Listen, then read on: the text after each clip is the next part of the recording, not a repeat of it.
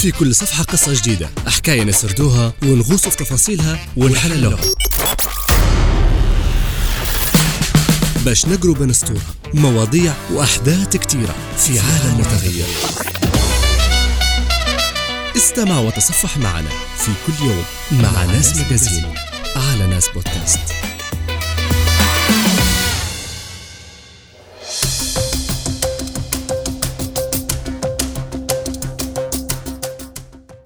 أهلا بكم في عدد جديد من مجلة ناس. تأتيكم عبر راديو ناس 104.5 أف إم في طرابلس الكبرى وعبر البث الرقمي ناس ومنصات البودكاست من خدمة ناس بودكاست. إليكم أبرز مواضيع اليوم. فصل الشتاء وجندي روسيا المرعب الذي دحر نابليون وهتلر. ماذا سيحدث لو تخلص كوكب الأرض من كل المليارديرات؟ إيلون ماسك يرجح الإفلاس ومديرون مهمون يقفزون من سفينة تويتر. إلى التفاصيل.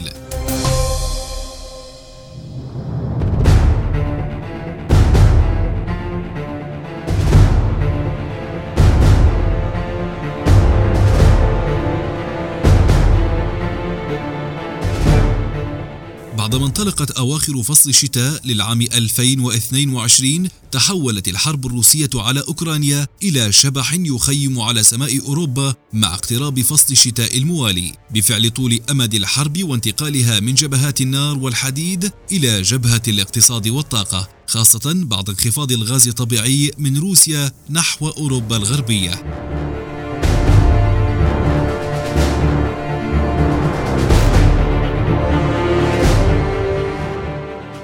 الخصاص الكبير في واردات الغاز المادة الحيوية في إنتاج التدفئة خلال فصل الشتاء القارس أعاد إلى الأذهان ارتباط الشتاء بالحروب الأوروبية الكبرى مع الإمبراطورية الروسية والسوفيتية. فقد لعب فيها هذا الفصل المسلح بالثلوج والجليد والبرد القارس دورا حاسما في كبرى الحروب التي دارت بين الطرفين. ويشكل الغزوان الفرنسي نابليون والألماني هتلر خلال القرنين الماضيين أحد العناصر المحددة للعقيدة الأمنية والعسكرية الروسية والخلفية التاريخية الأولى في تعاملها مع جوارها الأوروبي الغربي باعتباره كان سباقا في عدد من المرات إلى الغزو مما يفسر جزئيا شعور الريبة وعدم الثقه المهيمن على علاقة الطرفين.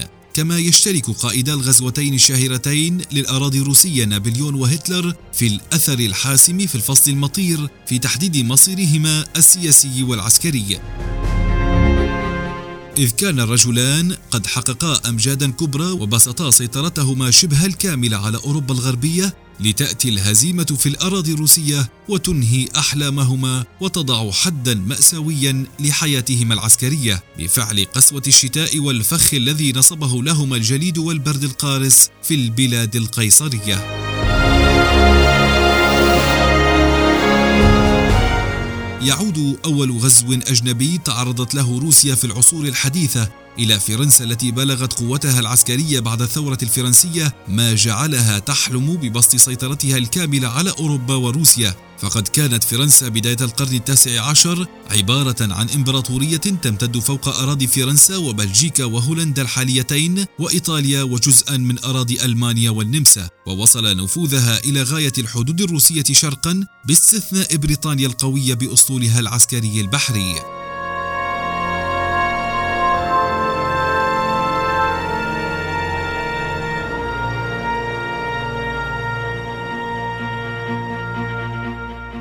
الإمبراطور الفرنسي نابليون يلعب على الحبلين الروسي والبريطاني من أجل فرض نفسه مسيطرا اوحد على المجال الأوروبي فكان يحاول استعمال أحد الطرفين ضد الآخر وإبرام الهدنة مع إحدى الجهتين للاستفراد بالأخرى. فحصل أن أبرمت فرنسا معاهدة مع روسيا القيصرية معاهدة تيلسيت عام 1807 وتقضي بانضمام روسيا إلى الحصار الشامل الذي فرضه نابليون على بريطانيا رغم الأضرار الاقتصادية البليغة التي خلفها ذلك على روسيا رأى نابليون في روسيا حليفا طبيعيا لفرنسا لعدم وجود أي خلاف حدودي بين الدولتين. ويعتبر كثير من المؤرخين أن الغزو العسكري نفسه الذي قام به الإمبراطور الفرنسي داخل روسيا لم يكن يرمي إلا إلى حمل القيصر على التفاوض وتقديم تنازلات في ملفات إقليمية ودولية أخرى أي تحييد روسيا لا احتلالها.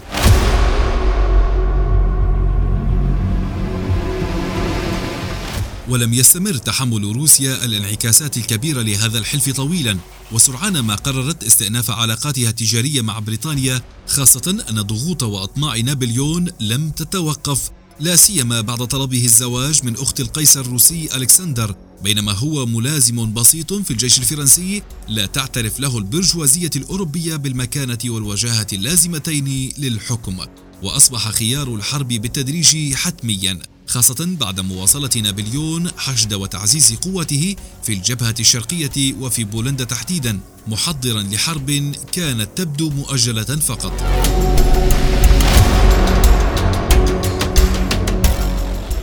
كما كانت السويد واحدا من عناصر ارتفاع التوتر بين فرنسا وروسيا فقد عمد الجيش الفرنسي إلى غزو منطقة بوميرانيا السويدية في إطار طموحاته التوسعية مما حدا بالسويد إلى البحث عن الدعم الروسي وحصلت عليه بالفعل كما جاءت اتفاقية بوخارست بين روسيا والإمبراطورية العثمانية بما أنهى الحرب بينهما وقبول روسيا بشروط الانسحاب من الحلف مع فرنسا.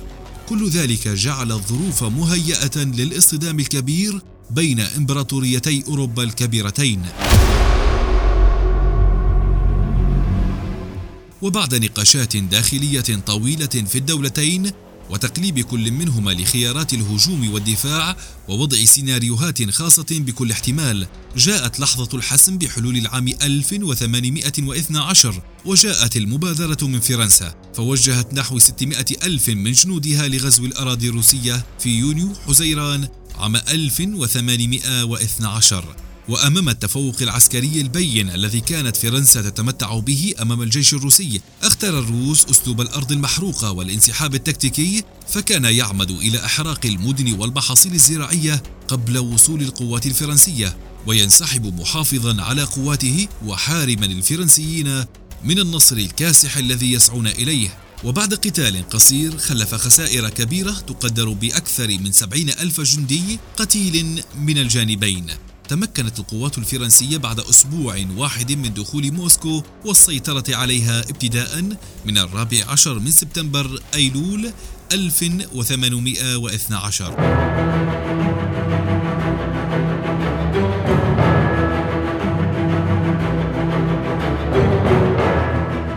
كان نابليون ينتظر التوصل بطلب التفاوض وإبرام السلام من طرف القيصر الروسي بمجرد سيطرة قوته على العاصمة الروسية. إلا أن الانتظار طال بالفرنسيين مع معاناتهم من الجوع والحرائق المتواصلة في محيط المدينة مما اضطر الجيش الفرنسي إلى الانسحاب.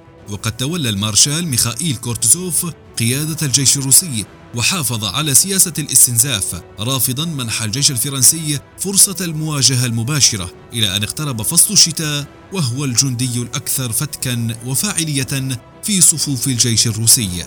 أصبح جيش نابليون بين فكي كماشة الثلوج والجليد من جهة ونيران المقاومة الروسية التي تلاحقه باستمرار حارمة إياه من المحاصيل والمؤن. ولم يكن الفرنسيون مستعدين لظروف الشتاء وهم الذين بدأوا حملتهم في بداية فصل الصيف. وكانت درجة الحرارة تنخفض إلى ما دون 30 درجة تحت الصفر مسببة تجمد أطراف الجنود مما كان يؤدي إلى وفيات بأعداد كبيرة.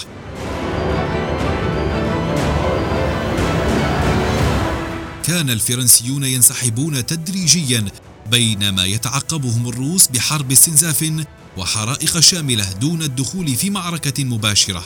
إلى أن وصل الفرنسيون نهر بريزينا حينها اعتبر المارشال ميخائيل أن الوقت حان للإجهاز على جيش نابليون فكبدهم خسائر فادحة. لم تتوقف هزيمة فرنسا بوصول بقايا جيشها إلى الحدود الروسية بل كان للقيصر ألكسندر طموحات أخرى. فقد اعتبر أن الوقت قد أصبح مناسبا لمواصلة الزحف على أوروبا ومتحالفا مع ملك بروسيا وإمبراطور النمسا. راح الجيش الروسي يزحف نحو فرنسا تدريجيا إلى أن وصل حدودها نهاية عام 1813 وحين كان مجموع جنود الجيش الفرنسي أقل من مئة ألف جندي لم يجد الحلف الثلاثي صعوبة في الوصول إلى باريس شهر مارس آذار 1814 فرفعوا شرطا اساسيا هو عزل نابليون من الحكم قبل إبرام أي صلح وهو ما وقع بالفعل فقد تنازل عن الحكم لصالح عائلة البوروبون ليبرم معها القيصر الروسي معاهدة الصلح وفقا لشروطه.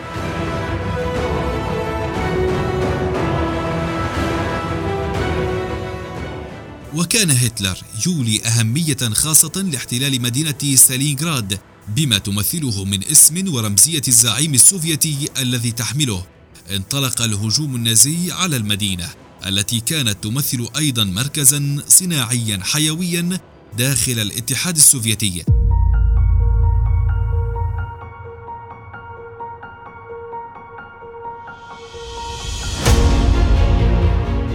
بعد شتاء عام 1942 القاسي فتولى سلاح الجو الألماني تمهيد الطريق أمام القوات البرية بقصف مكثف استهدف المدينة.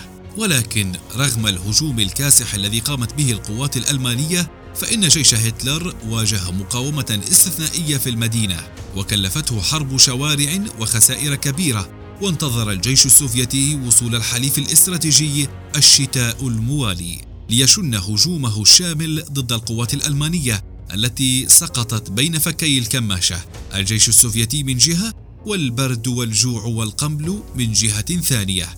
كما كان هتلر يراهن على صمود قواته داخل ستالينغراد عبر تزويدها بالتموين الضروري جوا والعمل على كسر الحصار السوفيتي الذي ضرب على المدينة. لكن الوسائل اللوجستية وخطوط التموين سوف تشكل مقتل الجيش الألماني. فقد سيطر الجيش السوفيتي على المطارات التي كان سلاح الجو الألماني يستخدمها لإمداد قواته. واضطر الجيش الألماني المحاصر إلى الاستسلام في الثاني من فبراير شباط عام 1942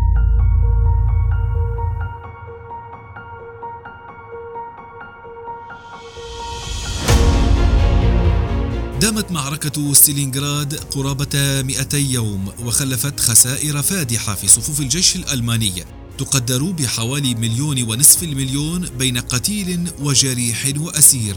ورغم أن هتلر كان واثقا من قدرته على تعويض الخسائر البشرية التي تكبدها جيشه في ستالينغراد بسهولة فإن الأثر المعنوي السلبي لتلك الهزيمة كان كبيرا على عموم القوات الألمانية مما ساهم بشكل كبير في هزيمة النازية وتواجه الجيوش عادة في منطقة شرق أوروبا ظاهرة طبيعية فتاكة تسمى راسبوتيتسا وهي ظاهرة تحدث في نهاية فصل الشتاء حين يذوب الجليد وتتحول الأرض إلى بحر من الأوحال فتصعب الحركة والتقدم والتراجع ويتحول الموقف إلى فخ طبيعي للجيوش الغازية. وتشكل هذه الظاهرة جدارا واقيا لروسيا من الجانب الغربي في نهاية كل فصل شتاء. وكل من صادفوا هذه الفترة في تلك المنطقة انتهوا منهزمين شر هزيمة.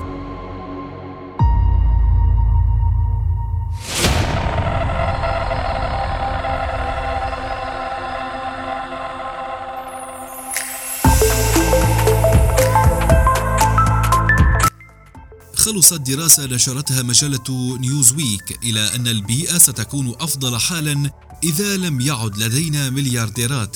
وأظهر تقرير لمنظمة أوكسفام الخيرية الدولية في السادس من نوفمبر تشرين الثاني أن استثمارات 125 مليارديرا حول العالم ينبعث منها 393 مليون طن من ثاني أكسيد الكربون كل عام. وهذا يجعل كل ملياردير من هؤلاء أكثر تلويثا بنحو مليون مرة حيث يطلق كل ملياردير منهم ما يقرب من ثلاث ملايين طن من ثاني أكسيد الكربون مقارنة ب 2.76 طن لكل فرد عادي. ونقلت نيوزويك عن مجلة فوربس أنه يوجد حوالي 2668 مليارديرا في العالم اليوم. لذا فمن المرجح أن تكون الأرقام أكثر بكثير لو أن التقرير تمكن من الوصول إلى بيانات استثماراتهم أيضاً.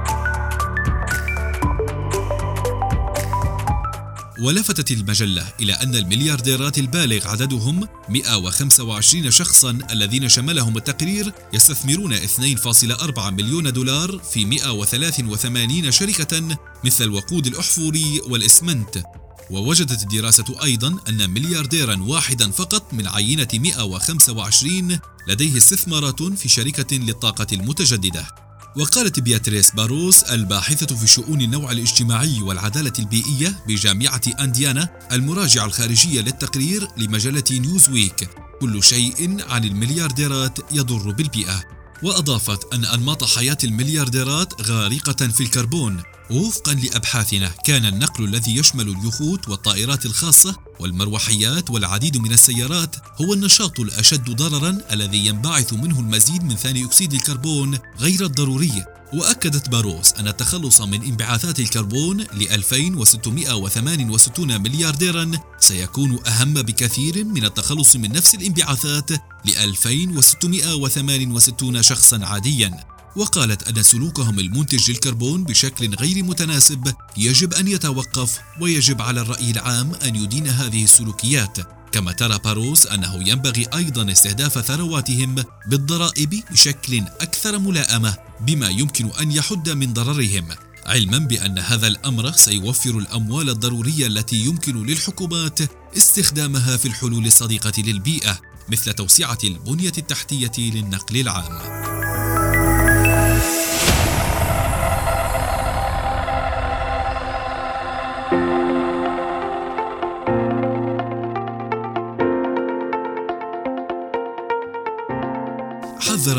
ماسك المالك الجديد لشركة تويتر.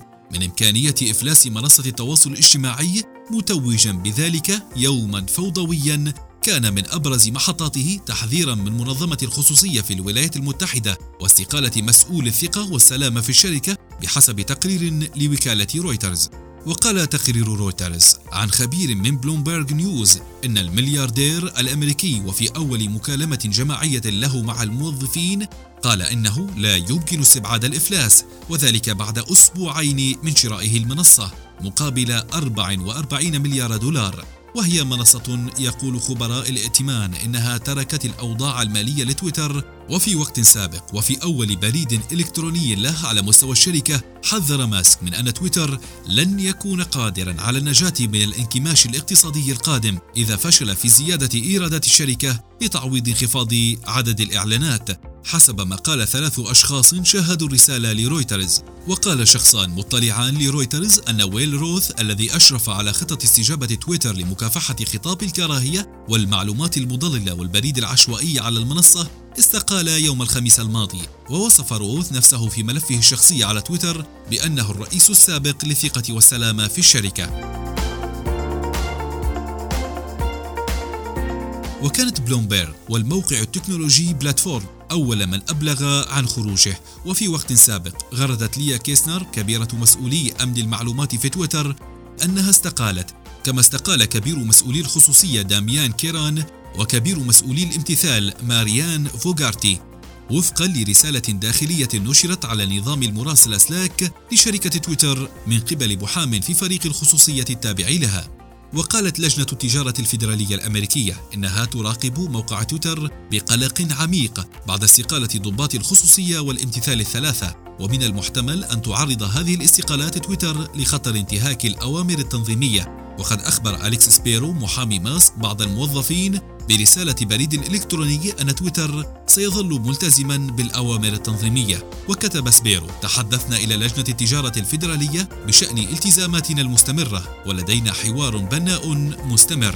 وذكر أن شركة تويتر فقط وليس الموظفين يمكنها تحمل المسؤولية تجاه الأوامر التنظيمية. وحذر ماسك في أول لقاء له مع العديد من الموظفين على تويتر من أن الشركة قد تخسر مليارات الدولارات العام المقبل حسب ما ذكرت المعلومات. وأضاف ماسك في بريد إلكتروني للعاملين أن العمل عن بعد لن يسمح بعد الآن وأن من المتوقع أن يظلوا في المكتب لمدة أربعين ساعة على الأقل في الأسبوع. وكان ماسك قد سرح عددا كبيرا من الموظفين بعد أن تولى منصبه في 27 من أكتوبر تشرين الأول. وقال أن الشركة تخسر أكثر من 4 ملايين دولار في اليوم ويرجع ذلك إلى حد كبير إلى أن المعلنين بدأوا في الفرار بمجرد توليه المسؤولية.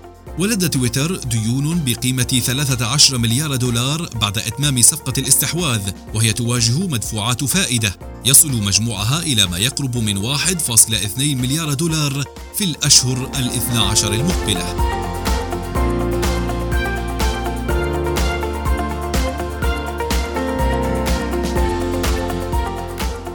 وتجاوزت المدفوعات التدفق النقدي الذي تم الكشف عنه مؤخرا على تويتر والذي بلغ 1.1 مليار دولار في نهاية يونيو حزيران الماضي. وبدأ ماسك فرض رسوم قدرها 8 دولارات شهريا على خدمة تويتر Blue التي ستتضمن التحقق من الحساب باللون الأزرق. وقال مدير الشؤون العامة في لجنة التجارة الاتحادية دوغلاس فارارا لرويترز نتابع التطورات الأخيرة على تويتر بقلق عميق. وقال فارارا لا يوجد مدير تنفيذي أو شركة فوق القانون. ويجب على الشركات اتباع قرارات الموافقة الخاصة بنا يمنحنا أمر الموافقة المعدل لدينا أدوات جديدة لضمان الامتثال ونحن على استعداد لاستخدامها. من جهته ذكر محامي الخصوصية في تويتر في المذكرة الداخلية أن سبيرو قال أن ماسك مستعدا لتحمل قدر كبير من المخاطرة مع الشركة. ونقل المحامي عن سبيرو قوله إيلون يضع صواريخ في الفضاء فهو لا يخاف من لجنة التجارة الفيدرالية.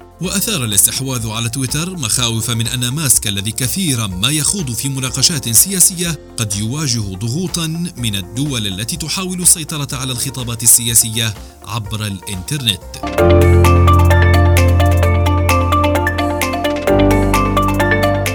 نهاية ناس ماجازين في أمان الله.